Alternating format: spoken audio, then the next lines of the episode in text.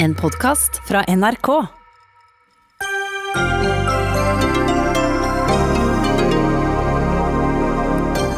Stormaktene kjemper om å sikre seg den første vaksinen mot covid-19. Er det et skittent spill? Senterpartiet vil kalle inn ungdommer til verneplikt i helsesektoren. Tvangsjobbing for staten gir ikke bedre eldreomsorg, svarer Frp. Ungdomspolitikere opplever grov hets, og politiet følger ikke godt nok opp, hevder AUF. Er det mann eller måke som har skylden for alt bråket i Tromsø sentrum? Nå må noe gjøres, sier handelsstanden.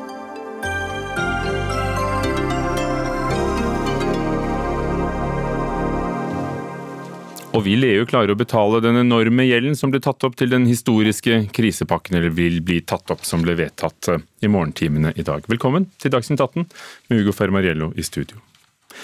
I dag ble det kjent at eh, den nye vaksinen som er under utvikling i Storbritannia mot eh, SARS-CoV-2-viruset, som kan lede til covid-19, koronavirusrelaterte sykdommer, kanskje kan tas i bruk i løpet av året. Og Mye er på spill i dette kappløpet om en ny vaksine. Det handler ikke bare om helse, men også om penger og prestisje. Verdens største land står mot hverandre i kampen for å sikre nettopp sine innbyggere. Og stormaktene driver et skittent spill, skriver du Kristina Pletten, kommentator i Aftenposten. Hva legger du i det, hva mener du dette spillet går ut på? Eh, det vi, hørte, mm, det vi har hørt den siste uken, er jo at eh, Storbritannia, USA og Canada har beskyldt Russland for å prøve å hacke seg inn og stjele informasjon om deres forskningsarbeid. Russerne har slått tilbake og sagt at uh, dette ikke stemmer, at de har sin egen vaksine, at de sannsynligvis vil være først ute uh, med vaksine. Den uh, Lederen for det russiske investeringsbyrået som heter Kiril Dmitrijev sa til Financial Times i et intervju for et par dager siden at det kan bli sånn at land må velge side. Han snakker om geopolitiske skillelinjer, og han snakker om en verden der man på en måte vil bli delt delt inn i de som har immunitet og de som ikke har immunitet. Så har eh, FBI i USA gått ut og sagt at Kina eh, saboterer deres arbeid mot covid-19, eh, både i organisasjoner og i forskjellige andre sammenhenger. Så det flyr veldig mye anklager rundt i alle retninger. Det er veldig vanskelig å vite hvor landet egentlig ligger. Og det er jo en situasjon der man i hvert fall burde burde kunne unngå slike anklager, og der eh, man kunne ha en mer eh, eh, solidarisk innstilling da, til dette arbeidet, som jo er viktig for, for hele verdens befolkning. EU e har vel hatt i hvert fall noen forsøk på å, å stille seg mer i midten og, og, oppfordre til et solidarisk arbeid, men eh, det har vært mye utspill. Det også, var også tidligere i mars i år eh, en nyhet om at USA prøvde å kjøpe opp et tysk selskap som heter CureVac. Eh, amerikanerne nekter for det. Eh, tyske myndigheter sier at det stemmer, osv. Så, så, videre. så eh, det har vært eh, en del bekymring nå for at vi begynner å se tendenser til det man kaller for vaksine nasjonalisme. Og det er jo klart at I en sånn situasjon verden er nå, så er det virkelig det siste vi trenger. Og Hadde ikke du nevnt det siste eksempelet, så, så, hadde jeg gjort det. Men de fikk altså ikke kjøpt dette tyske selskapet. Kristine Husøy Onarheim, lege og forsker på globale helseprioriteringer og helsepolitikk ved University College eh, London. Um, en Veldig, det er veldig mange aktører. Det er over 100 forskningsmiljøer, mange private legemiddelfirmaer og, og da regjeringer som er engasjert i dette. Hvordan skal dette fordeles når noen nå kommer med en vaksine? Eh, det er jo et veldig godt spørsmål, og spørsmålet som vi alle må stille oss. Kronikken som Kristina Pletten beskriver, og situasjonen hun beskriver med dette vaksinekappløpet, er jo på mange måter som hun viser problematisk, men på andre måter så er det jo positivt, fordi vi nå med over 100 eh, forskjellige vaksiner i produksjon, ser at det er kanskje lys i enden av tunnelen. Men når vi da får fram en vaksine som forhåpentligvis virker og som er trygg, så er det da spørsmålet hvordan skal dette fordeles, og hvordan skal dette fordeles rettferdig. Og da er jo det ene spørsmålet hvordan skal vaksiner fordeles mellom land? Skal de til Russland eller USA først? Og det andre spørsmålet er hvordan skal de fordeles mellom landene? Mm. Anniken, ja. men, men, la oss høre litt med Anniken Huitfeldt, fordi du leder jo utenriks- og forsvarskomiteen eh, fra Arbeiderpartiet. Hvordan ser du for deg at verden kan bli enige om en fordeling av ressursene? Fordi En ting er å finne vaksiner, men så skal de også produseres? Ja, Gjennom en veldig sterkt Verdens helseorganisasjon og veldig sterke internasjonale organisasjoner. Det har vi fått til på en del når det gjelder barnevaksiner. Nå ser vi at USA kutter støtten til eh, Verdens helseorganisasjon. Og ja, og trekker seg ut. Og trekker seg ut. Og da blir det en eh, slags alles kamp mot alle. Og Det er ikke til fordel for Norge, og det er ikke til fordel for det internasjonale samfunn. Så synes jeg Dette er interessant, dette vaksinenasjonalismebegrepet, men det er viktig å vite hva det ikke er. Fordi jeg tror at Flere land kommer til å bygge opp større lagre, ha mer nasjonal produksjon av medisiner.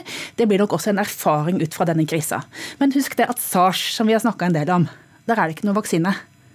Fordi at det har ikke nådd våre land. Og Dermed så er det ikke sterke aktører, altså kommersielle aktører som vil satse på utvikling av den type vaksiner. Så hvis du ikke har sterkt internasjonalt samarbeid som regulerer markedsmekanismene her, så er det ikke det beste for menneskeheten. Og SARS, da tenker du på den forrige utgaven av SARS ja. som var. Nå er vi på SARS-virus nummer to. Kristine Husøy Jonarheim, du er lege og har god greie på dette her. Eh, en av disse vaksinene som ligger langt fremme i løpet, og som vi har hørt om det siste døgnet, er den som utvikles av AstraZeneca i samarbeid med universitetet i Oxford. Eh, de, noen der, noen i England, sier at det kan være snakk om å ta den i bruk allerede i år. Hva tror du? Jeg er ikke vaksineekspert, men jeg tror at vi skal stole mer på vaksineforskerne enn politikerne. Eh, all honnør til Huitfeldt, som jeg er helt enig med, men Boris Johnson har gjort en del tvilsomme vurderinger før i denne pandemien, og det er vel sånt her også. Det eh, de som utvikler vaksinen Oxford sier, er vel at det, det, vi vet, basert på den studien som ble publisert i går, er at det ser ut som vaksinen er trygg, og det ser ut som man gir immunrespons. Så jeg tror vi er på vei i riktig retning, men jeg tror ikke den er klar helt ennå. Og Derfor er det jo at vi må også fortsette å jobbe med disse andre folkehelsetiltakene som handler eh, om å holde smittespredningen ledere. Så vi må gjøre flere ting samtidig.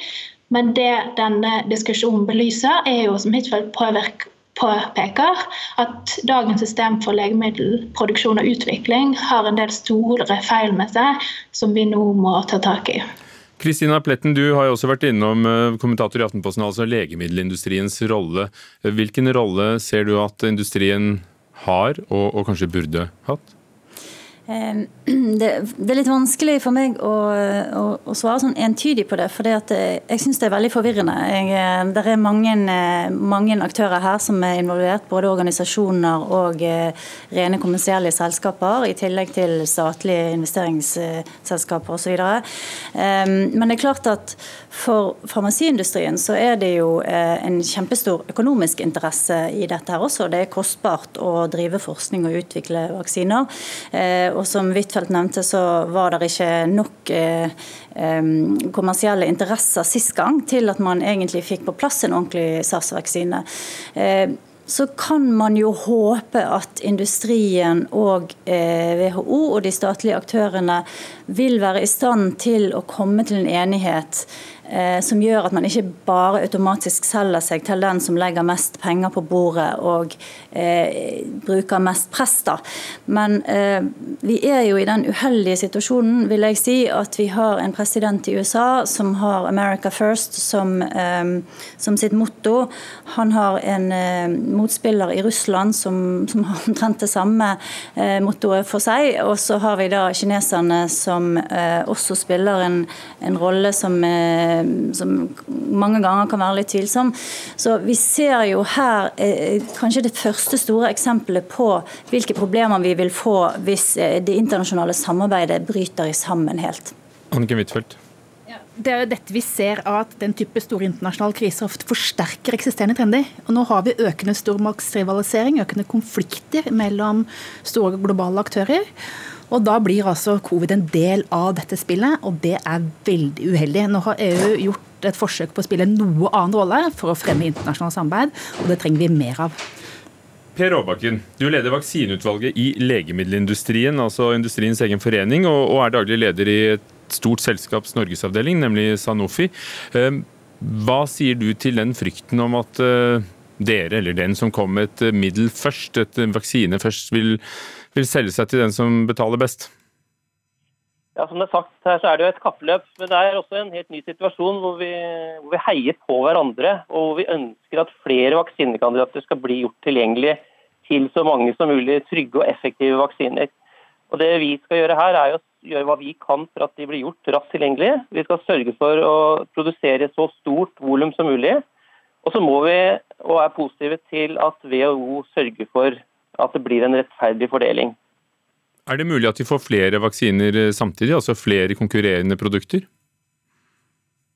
Ja, Tidsperspektivet her er vel litt uklart, men vi vet at det er veldig mange vaksinekandidater. Det er vel snakket om 150, over 150 kandidater. Sånn at uh, sånn tidsperspektivet så er det vanskelig å si når de ulike vil komme. Men uh, noen kanskje allerede i år, men kanskje flest i løpet av neste år og mot slutten av neste år. Men så er det det med hva det skal koste, da. Uh, for det er jo klart at det skal lønne seg for et privatselskap, men hvor mye skal det lønne seg? Og, og hvilken rolle har dere i å være edruelige der? Ja, dette er et område hvor vi lokalt eh, ikke er så involvert eh, nå i, i, første omgang. Så hva denne vaksinen vil koste, det, det, det har vi ikke diskutert. Eh, I hvert fall ikke lokalt. Og, og, jeg tror egentlig at det viktigste nå er å sørge for at det blir vaksiner gjort tilgjengelig til så mange eh, så raskt som mulig. Anniken Huitfeldt, blir eh, pris ofte et diskusjonstema når eh, vaksiner skal fordeles rundt omkring i verden? Ja, absolutt. Og dette har vært suksess når det gjelder barnevaksinene. At da man har kjøpt inn vaksiner til veldig mange land samtidig og klart å presse prisene ned og gitt det mer tilgjengelig for alle. Så det er jo enda et argument da, for et sterkt internasjonalt samfunn som kan bruke makta til å presse prisene ned til beste for folk som skal ha vaksiner. Kristine Husøy Jonarheim, som en som forsker på global helse, er det, eh, er det ofte dette, dette med prisen som, eh, som, blir et diskusjonstema, og som står i veien for eh, spredning av vaksiner? Hvis du ser på tilgangen til medisiner og vaksiner globalt, så er pris ofte et problem. Og blant annet fordi man anerkjenner dette, så har WHO og andre aktører som jobber med tilgang til medisiner, initiert et call eller en oppfordring for land og andre til å signere opp om å dele informasjon, dele det man får vite om de nye vaksinene og hvordan de virker, for å sikre dette fellesgodet for alle. Der har Norge signert sammen med over 40 andre land, men det er ingen legemiddelindustrifirmaer som har signert eller støtta dette kålet. Så jeg tror jo at det er et ganske stort um, denne situasjonen viser vel problemet med at vi har en profittbasert modell for utvikling heller eh, enn basert på folks behov. Og akkurat nå så vil alle ha vaksine, og da er behovet der. Men jeg tror at eh, pris har absolutt veldig mye å si. Eh, og det er veldig problematisk når vi snakker om helse som en menneskerettighet, og helse som noe som alle skal få. For sånn det er per i dag, så er det sånn bor du i et rikt land, og kommer du fra en rik familie eller en de som har mest å si, så har du mye bedre tilgang til helsetjenester. Og jeg tror også at det dessverre er de som kommer til å få covid-vaksinene først. Og Derfor så må vi støtte opp om WHO sine tiltak, som sier at man skal få etter behov. Man skal få basert på hvor nytten er størst, og sårbare grupper skal få først. Det kan enten være snakk om helsearbeidere i førstelinjen, eller de vi ser som dør oftest av covid, som de med høyt blodtrykk eller diabetes osv. Så, videre. så det er ekstremt vanskelig å vite hvem som skal få først, når vi har en begrenset ressurs. Men det er veldig viktig at vi passer på at de som trenger det mest, får det nå. Og Foreløpig en ressurs vi ennå ikke har. Per Råbakken, har du en kort eh, kommentar fra legemiddelindustrien til, til dette med at ingen i industrien har signert eh, dette oppropet? Nei, det, det, har jeg ikke. Jeg er ikke kjent, kjent med det. Så det, det har jeg ikke noe kommentar til. Men er du med på at pris eh, kan noen ganger stå i veien for, eh, og manglende åpenhet om pris kan stå i veien for, for distribusjon av vaksiner?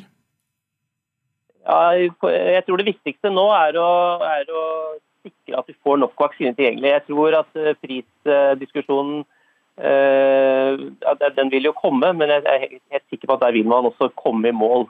Og det er som det er sagt tidligere her, at Et større volum vil også dra prisene ned. Og Da får vi håpe på at det kommer en vaksine, men Anniken Huitfeldt, det er jo ikke til å komme unna at vi, vi, vi, i Norge kommer fra en rik familie, for å si det sånn. Er det mulig å unngå vaksinenasjonalisme? Kan en norsk politiker unngå å gjøre hva dere kan for at også Norge skal få de vaksinene som da vil, vil kunne sikre både mennesker og, og kanskje økonomi? Ja, Men vi har et sterkt offentlig helsevesen som skal gi nordmenn som trenger det, vaksiner. Men vi vil ikke gå inn på tiltak som bidrar til at vi styrer legemiddelindustrien, sånn vi sniker i køen. Men vårt offentlige helsevesen skal sikre gode vaksinetaller. Nå sitter vi i FNs sikkerhetsråd, eller gjør det snart. Er det et sted vi burde brukt stemmen vår når det gjelder nettopp covid-19? Altså, vi har en veldig sterk stemme når det gjelder internasjonal helse. Vi har gjort mye når det gjelder vaksiner. Så jeg mener absolutt at dette må vi ta inn som en del av diskusjonen i FNs sikkerhetsråd. Og bruke vår styrke til å stille en del krav da, til legemiddelindustrien. Og så samarbeide slik at det ikke blir mer nasjonalisme på dette området.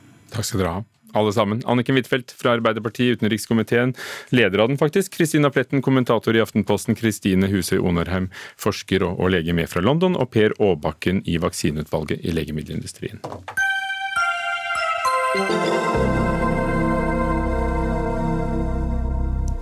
Så ble den vedtatt. Historisk er den kalt, for det er første gangen at EU tar opp så mye lån, for det må de gjøre. 8000 milliarder kroner, 750 milliarder euro i krisepakke etter koronavirusepidemien.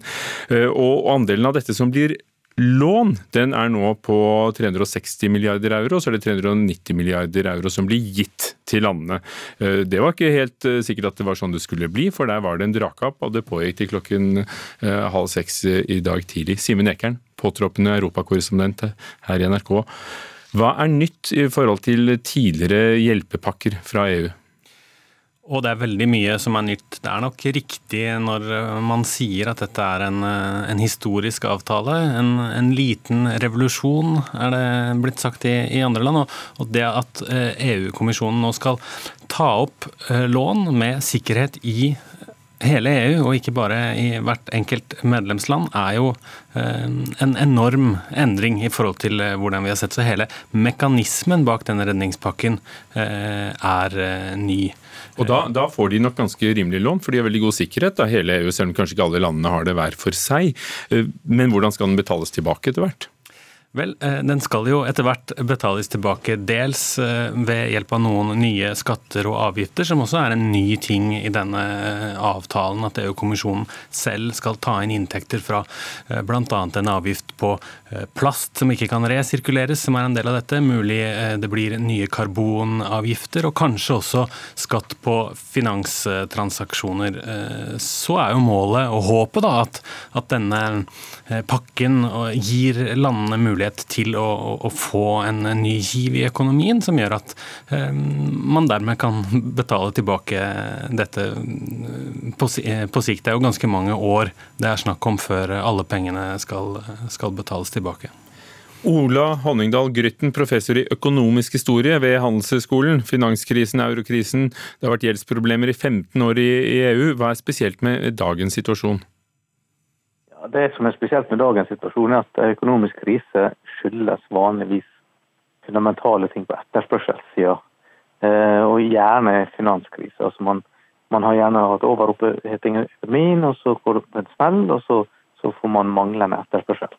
Det som er spesielt denne gangen, er at det er produksjonskrise. Egentlig så skyldes krisa ikke problemer i økonomien, men det skyldes rett og slett at økonomien er stengt ned. Man har ikke fått lov å produsere slik som man ønsker. Og Dermed er det en helt spesiell krise, og det er egentlig ikke så veldig lett å løse henne. Eh, og man løser henne egentlig ikke bare med å pøse på penger, slik som jeg syns EU prøver å gjøre nå. For det er jo klart at eh, Mange av disse aktivitetene kan jo ikke gjenopptas sånn umiddelbart. Turismen er jo ikke hva den var, f.eks. For eksempel.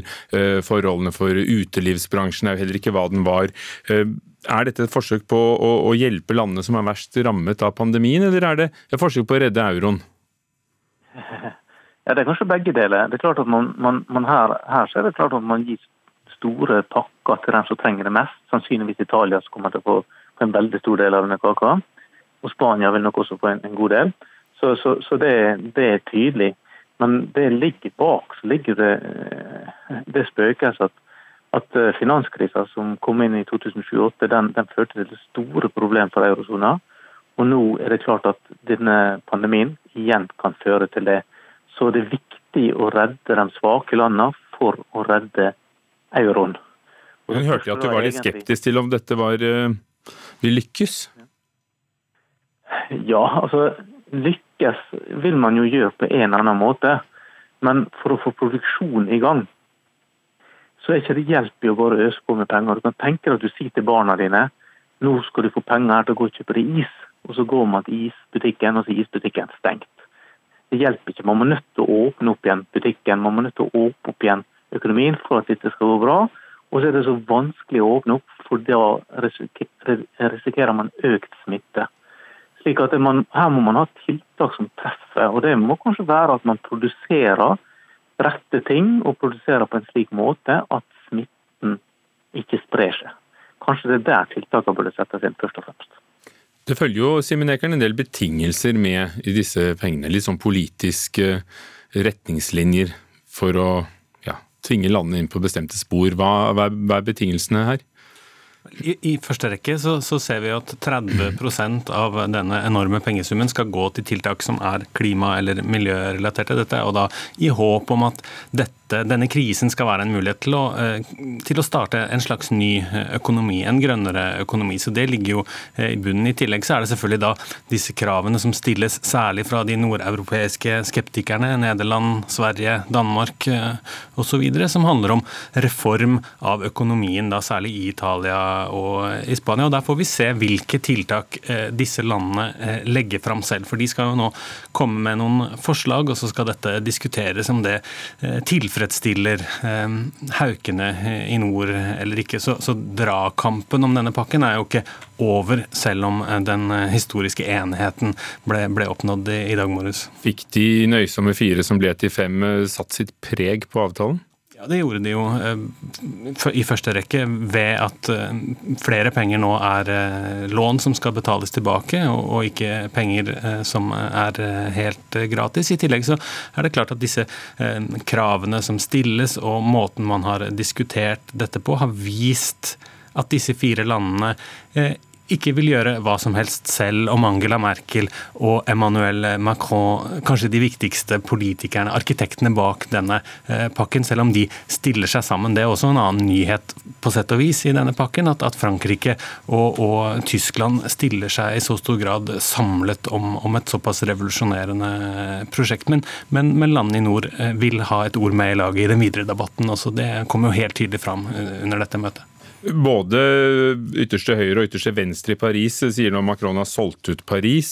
Hvordan blir de tatt imot i de forskjellige landene når de har kommet hjem med, med pakken i kofferten? Ja, nei, Det er litt uh, forskjellig. Den som kanskje blir uh, for, for, det hardest hjemme, er jo Nederlands statsminister uh, Mark Rutte. Selv om han har satt sitt preg på dette møtet, så er det på en måte sånn at opposisjonen i Nederland nærmest ikke ville ha godtatt noe annet enn en total forkasting av den, av den pakken. Så sånn sett så har han kanskje gitt for mye. Men, men Macron får har medfart av Marine Le Pen, det er ganske riktig.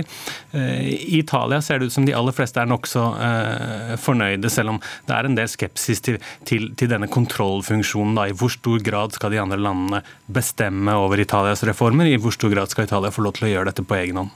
Ola Honningdal Grytten, tror du på viljen til solidaritet mellom rik og fattig i EU? Altså Det er klart at denne pakken eh, viser at det er større solidaritet nå enn hva det var ved inngangen til koronakrisa. Da, da kjempa hvert land for seg og var ikke villig til å hjelpe hverandre. og Nå er man villig til å hjelpe hverandre. Men ett problem det er jo når denne pakken skal finansieres og betales. Skal man f.eks. økte, økte skatter på finanstransaksjoner, sånn, så, så, vil man få et problem overfor andre finanssenter i verden. Og, Mange har sagt at brexit førte til at London mista sin status som finanssenter i Europa. Hvis EU skal innføre en ekstra finansskatt, så kan det bety at faktisk London får en, en kjemperenessanse. Så, så det er en del problemer i, i dette her som ikke er løst. Takk skal dere ha. Vi følger med. Brexit-forhandlingene var jo akkurat i gang igjen eh, denne uken også. Ola Honningdal Grytten, professor i økonomisk historie ved Handelshøyskolen, og Simen Ekern, påtroppende europakorrespondent.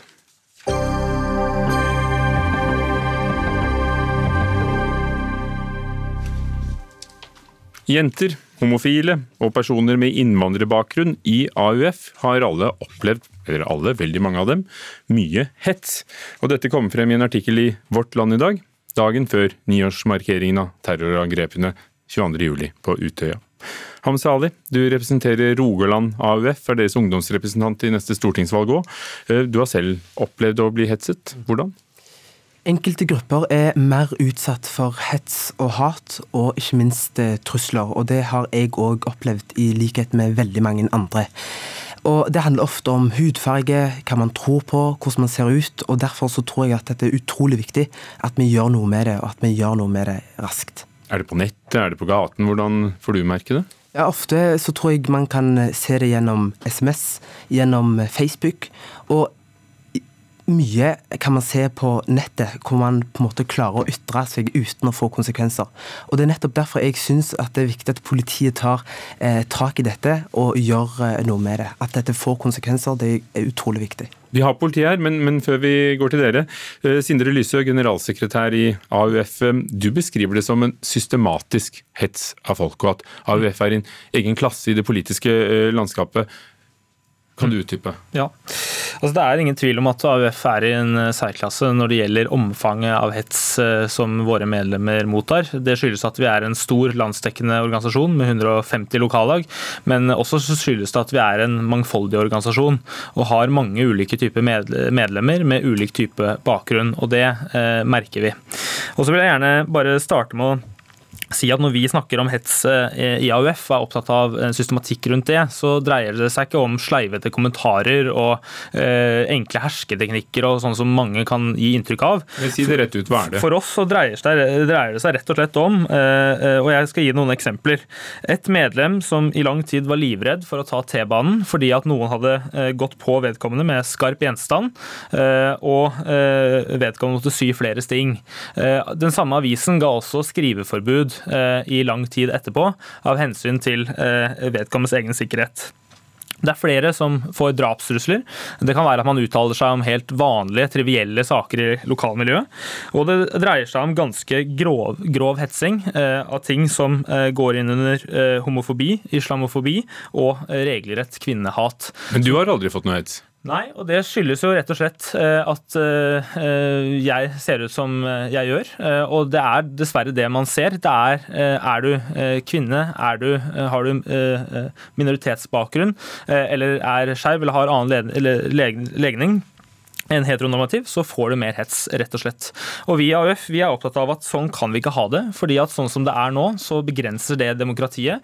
Og vi er veldig opptatt av at vi har et system som ikke fungerer. Og, vi, og, og hva gjør dere nå da, når dere får disse hendelsene? Altså Vi eh, som eh, landets største ungdomsorganisasjon har jo sett oss nødt til å lage egne rutiner eh, for å kunne følge opp medlemmene våre. Fordi vi ser det at å få såpass grove trusler og, hets retta mot seg når man er ute og ytrer seg offentlig, det begrenser ytringsfriheten. Det gjør at folk skriver ikke lenger i avisa, folk tør ikke lenger å holde innlegg. Og, det er en begrensning for oss som organisasjon og for den enkelte. Anmelder dere?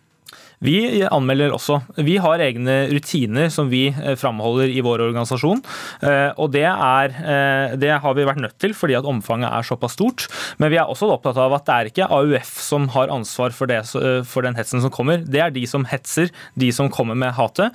Men vi er også opptatt av at politi og regjering og andre ledere i landet også må ta sitt ansvar når det gjelder hets og trusler i samfunnet. Ja, Håkon Skulstad, assisterende politidirektør.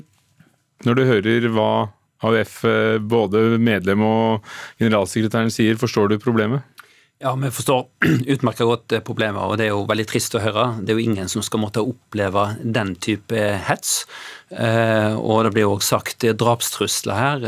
Det er klart får en slik eh, trusler mot seg, så er det veldig viktig. Gå til politiet, det skal anmelde det. Og i slike situasjoner kan det jo være riktig å ringe 112 eh, hvis du får en direkte drapstrussel mot deg. Det er viktig å ta fatt i disse sakene, ja. Men hvor leder det hen? Altså, vi, har, vi har tidligere hørt at eh, hatkriminalitet er mer enn doblet siden dere begynte med denne statistikken for fem år siden, men at det veldig ofte blir henlagt? Ja, Det er noen dilemma her. Eh, for det første så skulle vi ønske at det er flere som anmelder sakene, slik at vi får dem vurdert. Og så er vi samtidig oppmerksom på at det er for mange av sakene som kanskje blir henlagt fordi at eh, det kan være uklare grenser. Nå har Høyesterett avsagt en dom i år som eh, trekker opp hvor disse grensene skal gå. Og det blir viktig for politiet nå å følge dette videre for å få fram flere slike saker til vurdering.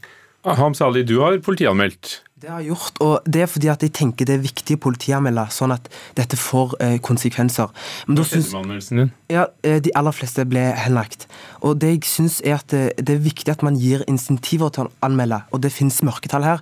og Derfor er det viktig at de anmeldelsene som kommer, de blir behandla på, eh, på en god måte, rett og slett. Ja, Hvordan blir de behandlet? Vi ser at uh, dette er vanskelige bestemmelser å uh, håndtere. Så at nå Høyesterett har avsagt en dom, uh, det blir viktig videre framover oss for å trekke disse grensene. Men Er det virkelig det som stopper dere nå, at dere venter på en dom fra Høyesterett? Det er jo i Oslo f.eks. en egen hatkrimgruppe da, som skal etterforske dette. Det foreligger en dom fra Høyesterett nå, og den var veldig viktig. Nå handler det om at politiet må ta den i bruk. Vi har behov for å styrke kompetansen vår på dette området. Vi ser at ulike distrikt behandler disse sakene litt forskjellig. så derfor har PST tatt et initiativ i, i år til en felles eh, kompetansedag på dette området for å løfte. Riksadvokaten har gitt en del retningslinjer eh, på dette området. Så det blir gjort mange ting, men det er fortsatt en vei å gå som politiet må ta tak i. ting. Ja, Hvordan jobber dere med det i PST? Du er Roger Berg, fungerende sjef i Politiets sikkerhetstjeneste. Det er jo et av de viktigste, eller av de prioriterte områdene til PST. Det er jo å beskytte såkalt myndighetspersoner, som, men da snakker vi om stortingspolitikere og vi snakker om regjeringsmedlemmer i hovedsak. Jeg sitter med kanskje vordende stortingspolitikere, ja, og det, og kanskje vordende statsråder? Helt enig, helt enig i det. Og der har vi et klart skille og et ansvar mellom det politiet gjør og det PST gjør, og som vi virkelig setter fokus på nå. Men, eh, og vi har masse erfaring med det. PST jobber med det. Vi, det er jo ikke alt som kommer ut. og, og vi både går til pågripelser, vi tar dette på alvor, etterforsker og, og, og følger opp eh, en, eh, de sakene som treffer oss. Eh, og så er det jo nettopp det grensesnittet til lokalt politi som vi ser at vi må jobbe mer med. Det er vi alle enige om. Og Hva synes du om denne organisasjonen? For Det virker jo som det, det kan falle mellom mange forskjellige grupper, stoler? Ja, og, og, sånn er det jo. Vi forholder oss til det lovverket som foreligger. Så er det jo opp til oss ledere å sørge for at vi gjør dette på en god måte. Og følger det som er trusselbildet, og tar på alvor de bekymringene og det vi får fremført. Det, det gjør vi, og det skal vi gjøre mer av. Altså, grunnen til at vi tar opp dette i dag, det er jo at vi har eh, dessverre altfor mange medlemmer som mottar trusler, men, men, utfordringen ligger også i det at eh, veldig mange eh, er, er, rett og slett redde for at sakene deres ikke blir tatt ordentlig hånd om, at de eh, blir henlagt eh, og at de ikke får en ordentlig konsekvens. Eh, og Jeg mener at vi har visst om denne problematikken såpass lenge nå. Trusler og hets har vært et voksende samfunnstema gjennom mange ulike planer og strategier fra det offentlige de siste årene. men like Likevel så står vi her i dag og vi opplever at politiet er ikke i stand til å eh, hjelpe våre medlemmer på en god nok måte. Eh, og jeg mener at Riksadvokaten har skrevet dette så presist i et brev før valgkampen, før, før valgkampen i 2019 at dette skulle prioriteres og løftes fram. Eh, PSTs trusselvurdering for 2020 peker helt klart på at hatefulle ytringer er en trussel mot demokratiet og må følges opp. Og Da mener jeg også at det, sett i lys av den saken som sto i Vårt Land i dag, så ser vi det at organisasjonen organiseringen i politiet er ikke hensiktsmessig, den fungerer ikke, og den legger et altfor stort ansvar over på AUF som en ungdomsorganisasjon i det å ivareta sikkerheten til våre medlemmer, en rolle som politiet burde hatt. Og jeg mener at hvis det er ressurs... Stopp der. Burde politiet hatt en større rolle i å ivareta sikkerheten til medlemmer av ungdomspartier? AUF her? Jeg tror vi må gå i lag for å få et samarbeid. Vi ser klart at politiet bør etterforske bedre, men òg eh, et samspill med de lokale politiske partiene i de enkelte kommunene. Eh, det er veldig store variasjoner mellom kommuner og ytringsklima. Det kan være fra sak til sak. Så jeg tror det er et styrka samarbeid mellom politikontaktene ute i kommunene. Vi har nettpatruljer som nå i større grad følger med det som skjer på nettet, og få en dialog òg mot eh, de ulike partiene, de ulike kommunestyrene, for nettopp å unngå at ansvaret ligger på den enkelte politiker å, å bære fram disse tingene. Da får politiet et bedre bilde, mer omfang av det, og kan sette inn tiltak som blir, blir bedre. Hamza Ali. Ja, for Det som bekymrer meg, er altså omfanget og hvordan eh, det har blitt eh, mer hets i, i, Norge, og hvor sakte egentlig kanskje utviklingen vår har gått for å hindre hets. Og Derfor så er jeg enig i det du sa, og jeg mener at det, det må gis mer flere verktøy til politiet, sånn at politiet kan jobbe med, med disse sakene. Men er det også Vårt Land skriver at en del av sakene blir henlagt med henvisning til at det går inn under ytringsfrihet. At, at, dere som stikker hodet frem i politikken må tåle en del ting som kan være utrolig ubehagelige, men som er dekket av ytringsfriheten vi har. Ja, og Det er forståelig, men jeg mener at det er et problem når, eh, når saker blir henlagt pga. at man ikke har ressurser. Og Det er nettopp derfor jeg mener at politiet må gis flere ressurser for å, å sørge for at dette her eh, går rundt. Mm.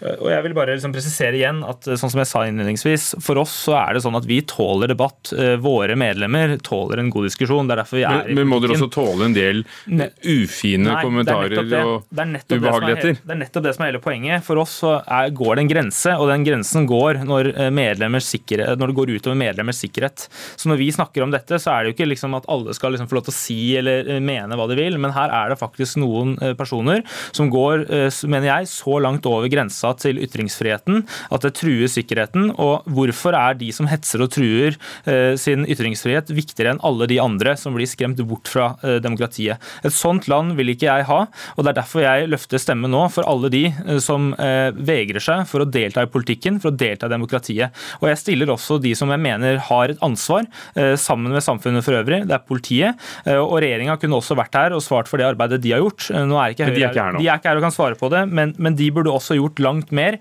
både i forhold til sine handlingsplaner mot hatefulle ytringer, og de burde bidratt bedre til et sunnere ytringsklima og, og, og hjulpet politiet med de ressursene de trenger for å gjøre den etterforskningen. Og, er det ressursmangel i politiet for å etterforske dette?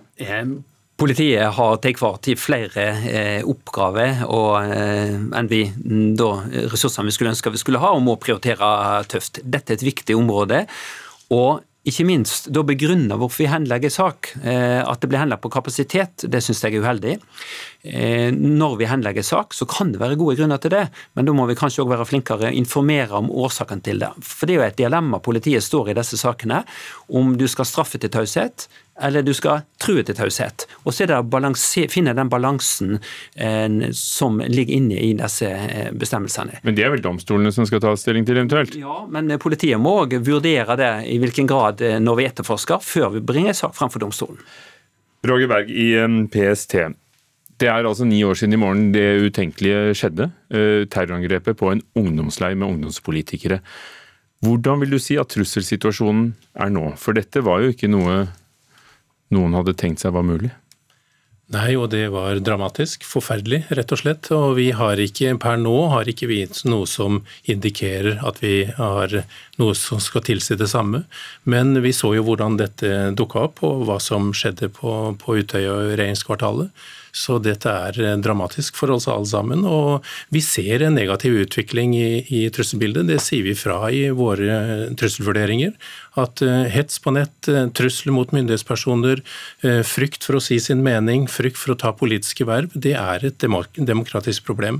Og når vi da vet nå hvor skrekkelig galt det kan gå, tar dere om dere, dere tar det sikkert på alvor, men gjør dere nok med det? Samlet sett som etat?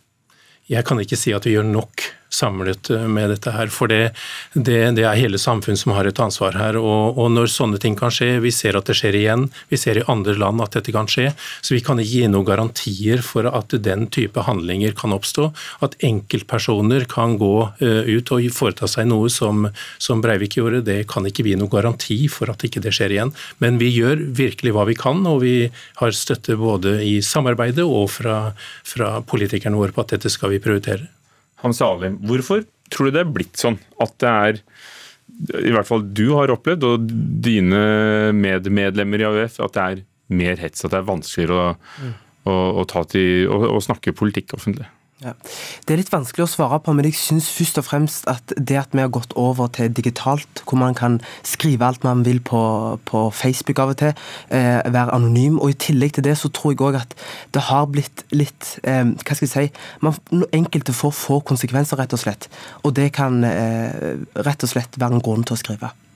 Mm. Tar du også til motmæle når du opplever dette, eller eh, lar du det ligge? og ja, jeg er mest opptatt av politikk, og det er derfor jeg eh, ikke alltid gjør det, rett og slett. Mm. Takk skal dere ha, alle sammen. Hamse Ali fra Rogaland AUF, Sindre Lyse, generalsekretær i AUF, og Roger Berg fra PST, og Håkon Skulstad, assisterende politidirektør. I morgen er det da markering av terrorangrepene 22.07. for ni år siden, både på regjeringskvartalet og på Utøya. Og Jens Stoltenberg, som var statsminister den gangen, han kommer hit til Dagsnytt 18.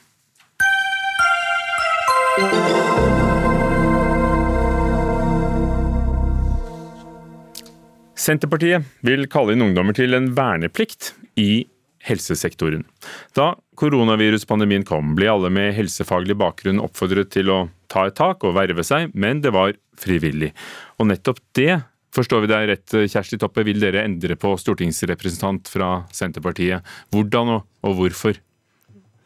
Eh, dette forslaget har sin eh, bakgrunn eh, fra 2011, der et offentlig utvalg kalt Hagen-utvalget foreslo en solidarisk samfunnstjeneste som et tiltak for å møte framtiden sine omsorgsutfordringer, spesielt i eldreomsorgen. Der ungdom fikk et alternativ til dagens militærtjeneste og kunne bruke sin arbeidsinnsats i et år inn mot Eh, helsesektoren, og spesielt eldreomsorgen. Og jeg mener at det forslaget har sin aktualitet òg i dag. og Vi så jo under koronakrisa hvor sårbart eh, vi er som samfunn eh, når vi mangler innsats og ressurser inn mot helsesektoren. Og jeg tenker at det er grunn til at vi tar opp dette forslaget og får det utreda nærmere. At det blir ei, et tilbud og en, en, et, et, Tilbud eller plikt? Ja, altså Jeg kaller det jo for en eh, verneplikt, men jeg sier jo samtidig at eh, det må være gode unntaksordninger. For vi er jo interessert i de som har lyst til å gjøre dette, på samme måte som det er de som har lyst til å gå inn i militæret i dag, som først og fremst eh, får tilbud om å, om å komme inn i militæret. Åshild Brun Gundersen, stortingsrepresentant fra Fremskrittspartiet. Ja, hva, hva synes du om Toppes forslag? Jeg syns det er ganske hårreisende det Senterpartiet her foreslår. Vi i Fremskrittspartiet vi er opptatt av en varm og verdig eldreomsorg, og tvangsjobbing for staten det gir altså ikke bedre eldreomsorg. I dag så har eh, mange ungdommer fått et tildelingsbrev fra høyere utdanning. De har fått eh, studieplassene de har søkt på, jobba hardt for. Mange gleder seg mye til å gå ut i studielivet og ta fatt på et yrkesliv som de er topp motiverte for, men det ønsker Senterpartiet altså da å få slutt på. Fordi Senterpartiet ønsker at eh, folk skal sette livsplanene sine på vent for å gjennomføre et pliktår for staten med ulike oppgaver som Senterpartiet synes er viktig der og da. Eh, og akkurat nå foreslår de altså at pliktåret skal gjelde innenfor eldreomsorg og helsesektoren. Og det illustrerer for meg ganske godt programleder, hvorfor Senterpartiet er godt plassert på venstresida, sammen med Rødt og MDG og andre partier som ønsker mer statlig styring over folks liv. Dette forslaget er fullstendig meningsløst. Ja, Kjersti Toppe.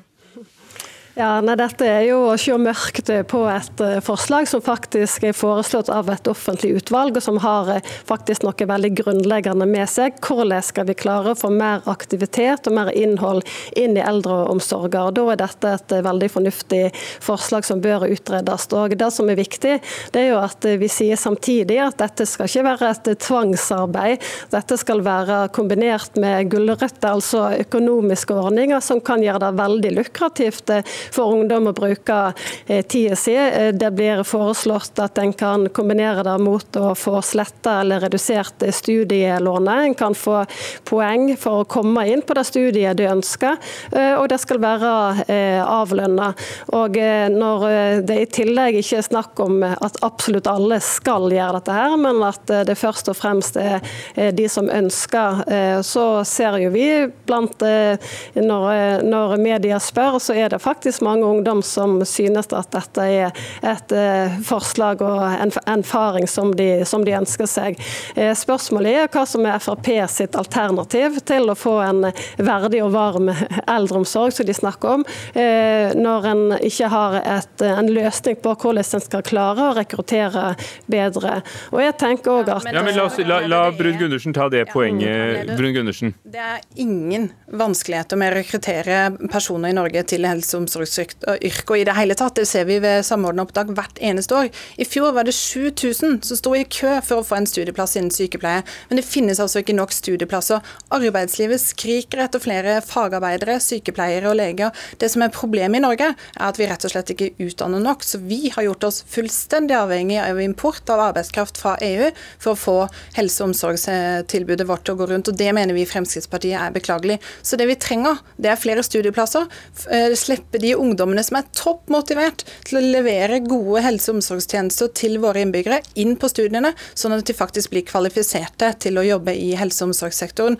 Og Det høres jo programleder ut som at Senterpartiet syns at de som jobber i helse- og omsorgssektoren i dag, ikke har en vanskelig jobb. For her kan man altså bare hente ungdom på gata. 60 000 barn som ble født i 2000 kan hentes ut på gata og erstatte de dyktige fagarbeiderne vi har i helse- og omsorgssektoren i dag. Nå er det vel ganske mange ufaglærte allerede inne på diverse sykehjem og Ja, dessverre. Fordi det er altså så vanskelig å rekruttere. Fordi Norge, og da særlig med Høyre i spissen i regjeringa, rett og slett ikke prioriterer nok studieplasser innen sykepleie og medisin. Vi får la den studieplassdiskusjonen med Høyre ligge, siden vi ikke inviterte Høyre. Men Kjersti Toppe, du ble jo nå av Brun-Gundersen trygt plassert på på venstresiden, eh, nærmest borte ved Rødt. Men er det et uforholdsmessig inngrip i folks liv å innføre ny verneplikt idet den, i det den forrige egentlig er blitt en skygge av hva den var? Mm. Altså, det er jo ikke noe nytt sånn sett, for vi har, har, jo hatt siviltjeneste i Norge. Den ble jo avvikla for en del år siden, så, men det er ikke noe nytt eh, at en uh, har et alternativ til uh, militærtjeneste og bruker det som samfunnet har uh, behov for. Men, men, men unnskyld, Tappe, du er jo selv lege. Tror du det hadde vært en god idé å ha en mengde ungdom uten nødvendig trening rekende rundt, eller gjøre et, et dugelig jobb, men de ville jo trengt en god del oppmerksomhet fra fagpersonalet?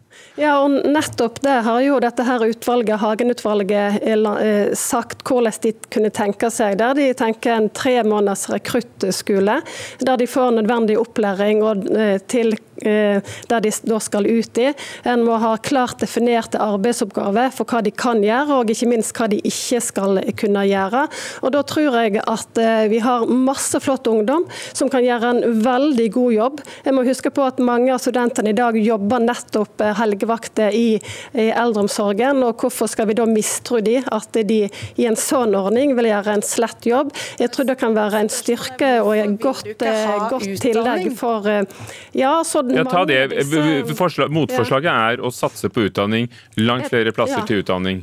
Jeg tenker vi må gjøre begge deler. Og Problemet for sykepleierne er jo at én av fem slutter i jobben. Og hvorfor da? Da må vi tenke på hva slags yrke en rekrutterer de inn i. Kanskje hvis en får litt flere personer, så vil det òg bli mer levelig for sykepleierne å være sykepleier i eldreomsorgen.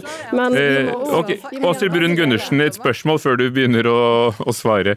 Ser du Ser du noe uh, nyttig, positivt i, i, forslaget fra Senterpartiet? F.eks. det at vi har en eldrebølge. Vi trengte plutselig uh, mange hender i forbindelse med en epidemi. Altså, Jeg ser ingen nytte i å tvinge ungdom som er umotiverte til, å begynne å jobbe i helse- og omsorgssektoren. Vi må huske på at dette er arbeidsplasser som krever betydelig kompetanse. Man må ha kunnskap og kompetanse om demensomsorg og medisinbruk. Eh, og Det kommer altså ikke av seg selv. og Det jeg hører fra Senterpartiet er ganske graverende. Det er at de egentlig ikke anerkjenner den kompetansen til de flotte fagarbeiderne som i dag jobber i helse og omsorg, og tenker at det kan erstattes av ungdom som er umotiverte og som ikke eh, vil gå i militæret. Er det det som er forslaget? De skal altså nå inn i helse- og omsorgssektoren og erstatte de dyktige fagfolkene. Det er vi i Fremskrittspartiet imot. Det vi trenger er en massiv satsing på helseutdanning. Flere ungdommer må velge helsefag. Flere ungdommer eh, må få lov å få studieplass innen sykepleier og medisin i Norge. Vi mangler 6000 sykepleiere. Hvis vi skal klare å rekruttere og beholde flere sykepleiere, så trenger de bedre oppfølging, bedre arbeidsbetingelser og bedre lønn på jobb. Og da må de ikke bli belasta med å få ansvar for å følge opp flere ufaglært Okay. ungdom. Kjersti Toppe, du får, eh, du får eh, siste ord. Ville det vært en ekstra belastning? Nå er jo Sykepleierforbundet mer positive enn Frp, eh, og det er jo et eh, godt eh, tegn. Så jeg tror at dette burde vi og må vi utrede nærmere. For det er aktivitet og innhold i hverdagen til de eldre som er det som folk er mest misfornøyd med. Og akkurat her tror jeg at ungdom i en slik solidarisk samfunnstjeneste kunne gjort en god innsats og gjort hverdagen bedre for de eldre, men òg for de som jobber i eldreomsorgen. Norge. Og nå begynner jo snart en ny sesong på Stortinget, og da kan dere ta denne debatten der også. Takk skal dere ha. Kjersti Toppe fra Senterpartiet, Åshild Brun Gundersen fra Fremskrittspartiet. Hør Dagsnytt 18 når du vil. Radio NRK Radio.nrk.no.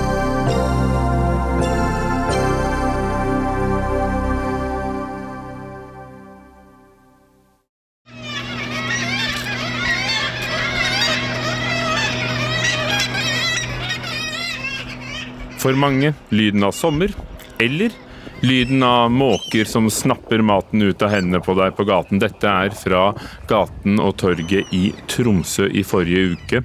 Eh, de eh, er blitt et problem, synes mange. Debatten raser i nordnorsk debatt. Og både innbyggere og turister tar til orde for at noe må gjøres. En av dem er deg, Pål Einar Eilertsen, daglig leder i Kaffebønna i Tromsø. Du driver flere serveringssteder. Hvordan opplever du måkene? I år så opplever vi at de er først og fremst blitt flere. og Dermed så er det flere å kjempe om den maten de måtte eventuelt finne. Hvordan uh, møter du dem du, hvis du satte ned og spiste noe på gaten i Tromsø? Hardt. Uh, de, de, de, er frekke i den forstand at de følger instinktet rått og brutalt, og de går på maten om du så holder den i handa eller har den på tallerkenen foran deg. eller den eventuelt ligger på bakken, så er det en kamp om de bitene som er å få tak i. Og hva burde gjøres med det, syns du? Nei, det er jeg veldig usikker på. Eh, eh, det er jo ingen idé å, begynne å skal drepe måse. Tvert imot, det, vil jo være helt eh, forkastelig. Jeg har tatt til orde for at vi bør se om det er en, om det er en middel å eventuelt få færre egg i reirene på våren, sånn at det blir færre av dem i løpet av sommeren. Jarle Heitmann, gruppeleder for Arbeiderpartiet i eh, Tromsø. Gjør dere nok i kommunen for å få bukt med skal vi si måkeplagen? Det oppfattes i hvert fall sånn? Nei, det virker ikke sånn at uh, når Reinar snakker om et måseproblem, så uh, har vi kanskje ikke gjort nok. Uh, men så er det viktig å legge, veldig, altså legge rett på det at måser skal det være i Tromsø. Tromsø er en kystby som er, er på en måte har vokst opp på at vi har drevet med fiskefangst, og vi er omringa med hav på alle sider. Så at måse i Tromsø er for så vidt naturlig. Men det vi ser er jo at i sentrum av Tromsø har vi nok sannsynligvis et måseproblem. og Da dreier det seg noe om at vi må ta tak tak i å gjøre sånn forebyggende eh, ting. Og jeg tror Det dreier seg om to ting. Det dreier seg om å, å fjerne matfatet på den ene sida. Eh, og Tromsø sentrum, både, både under, på dagtid, men spesielt i helgene, er, er et veldig godt matfelt. Og det andre vi må gjøre, det er på en måte å, å prøve å ta måsen før måsen faktisk får lagt reir. og, og og, eh, og, Da dreier det seg om et samarbeid med, med gårdeiere og næringsliv og kommune for å, å eventuelt gjøre eh, bygningsmassen vanskeligere å legge rein i sentrum. Pål Einar Eilertsen, eh, fiske, fangst og måser hører jo sammen. Er du med som, som serveringssteder? Du driver jo serveringssteder. Er dere med på å lage dette til et fruktfat for måkene? Ja, ja, klart det. I den forstand at uh, hvis mat havner der den ikke skal havne, så er det jo sånn. Uh, I år opplever vi jo at det har skjedd noe. fordi at uh, det har alltid vært sånn at en måse kunne finne på å snappe noe ut av handa di hvis du var uoppmerksom. Men i år har det jo vært sånn at, at måsen rett og slett angriper både store og små. Vi har jo hatt morsomme hendelser, vi har hatt litt mer alvorlige hendelser. Og, og, for barn så er det jo rett og slett skremmende når de faktisk kan bli slått over ende fordi at de har en is i handa og, og en, en stormåse syns at da, da, skal han ha tak i den, koste hva det koste vil. Har barn blitt slått over ende av en måke fordi de hadde en is i handa? Ja, det, det, har vi sett. Og vi har også eksempel på at folk som måtte ha dratt på sykehuset og få sydd fordi at måsen i sin iver etter å få tak i mat også har klart å rispe til blods og alt sånt. Ingenting av det her er jo dødelig, eller noe sånt, så, og, og, man kan jo flire av det etterpå. Men jeg, jeg, jeg, har jo tre hovedsakelige store bekymringer. Det ene er jo dyrevelferden. fordi at alle de her måsungene som vokser opp på, på byens tak og, og, får vokse opp, de ramler ned. De blir sett på som ei rotte til slutt. og, og og, hunder, voksne folk, uh, nattens baroner. Eh, dyreplager dem fordi at de føler at det, det er en slags flygende rotte. Det andre er jo det at, at, at Tromsø sentrum bør jo være obs på det at hvis det blir slik at vi ikke kan sitte ute og kose oss med litt mat, så blir det kanskje ikke like kult å være i Tromsø sentrum. Jarle Heitmann, blir Tromsø en scene i Hitchcock-filmen 'Fuglene', med, hvor måkene overtar for menneskene? Nei, det tror jeg ikke. Jeg tror at, uh, at dette er jo en, en situasjon som, som oppstår uh, en gang i året når måsene faktisk skal, skal, hekke. Og I enkelte år er det mer av, av, av det her eh, problemene enn andre år. Og det, det, kan ha, det her må selvfølgelig de som er eksperter på, på, biologi og andre uttale seg om, men det er klart det kan ha betydning at det har vært en, en senere vår i Tromsø enn en vanlig. Og men, men måsene, du, stopp av, Vi har nettopp en sånn en ekspert med oss. Martin ja, Eggen. Mm. Eh, naturvernrådgiver i Norsk ornitologisk forening, eh, akkurat nå med oss fra Lofoten. Jeg regner med at du ser på fugler. Eh, hvorfor er det så mange måker i, Tromsø i år?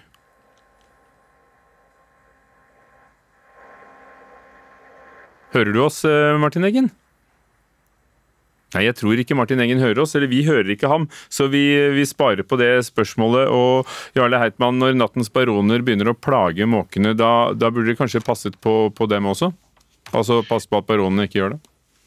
Ja, det er klart at Det, det Einar tar opp og, og er bekymret for, det deler jeg fullt ut. at Det er stor bekymring. Og det er klart at Måser er, er dyr som har også, eh, der det er et, det er et stort problem i forhold til dyrevelferd. og, og eh, som sagt, måser, tror, men Det som er problemet er at Tromsø kan bli et, et, også et fattigere by hvis vi ikke har disse måsene. Og vi har også noen, Måsene de gjør også noe som, som vi kanskje ikke tenker så mye på. De, de gjør også opp eh, og en del renhold i byens gate som, som både etter fredag fredagene og lørdagene ser ganske jævlig ut. Sånn at det, det, det er også en, en, annen side med det. Men det dyrevelferdsmessige som Pål Einar tar opp, gjør, er en av grunnene til at vi bør, bør egentlig gå inn i et samarbeid med, med næringsliv og, og gå der. Hvor mye er det lov til, hvor mye er det lov til å, å gjøre? Vi snakker jo om om, om, fugler som er fredet?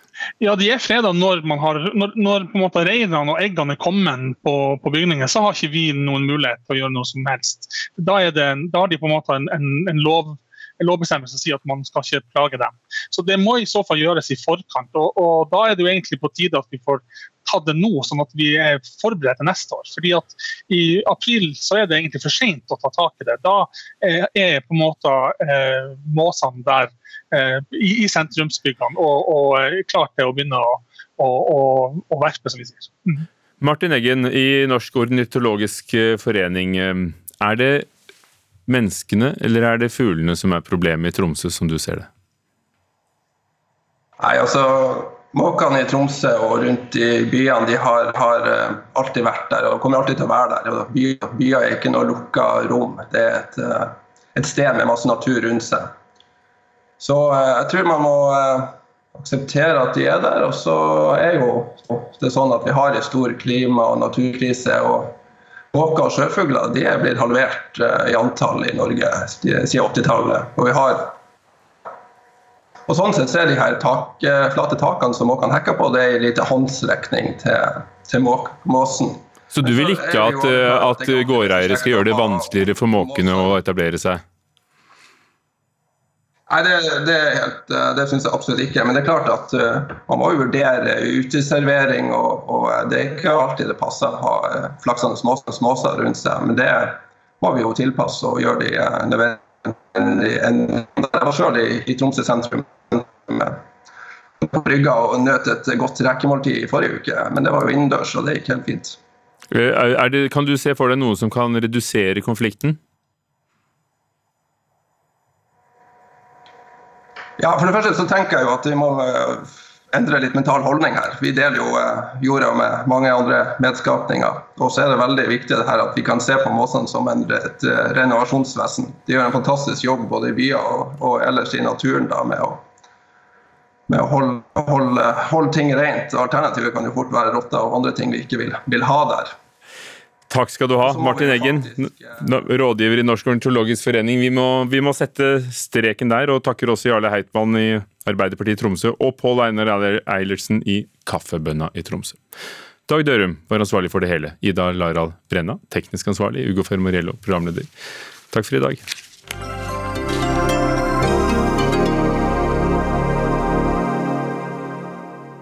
Du har hørt en podkast fra NRK. Hør flere podkaster og din NRK-kanal i appen NRK Radio.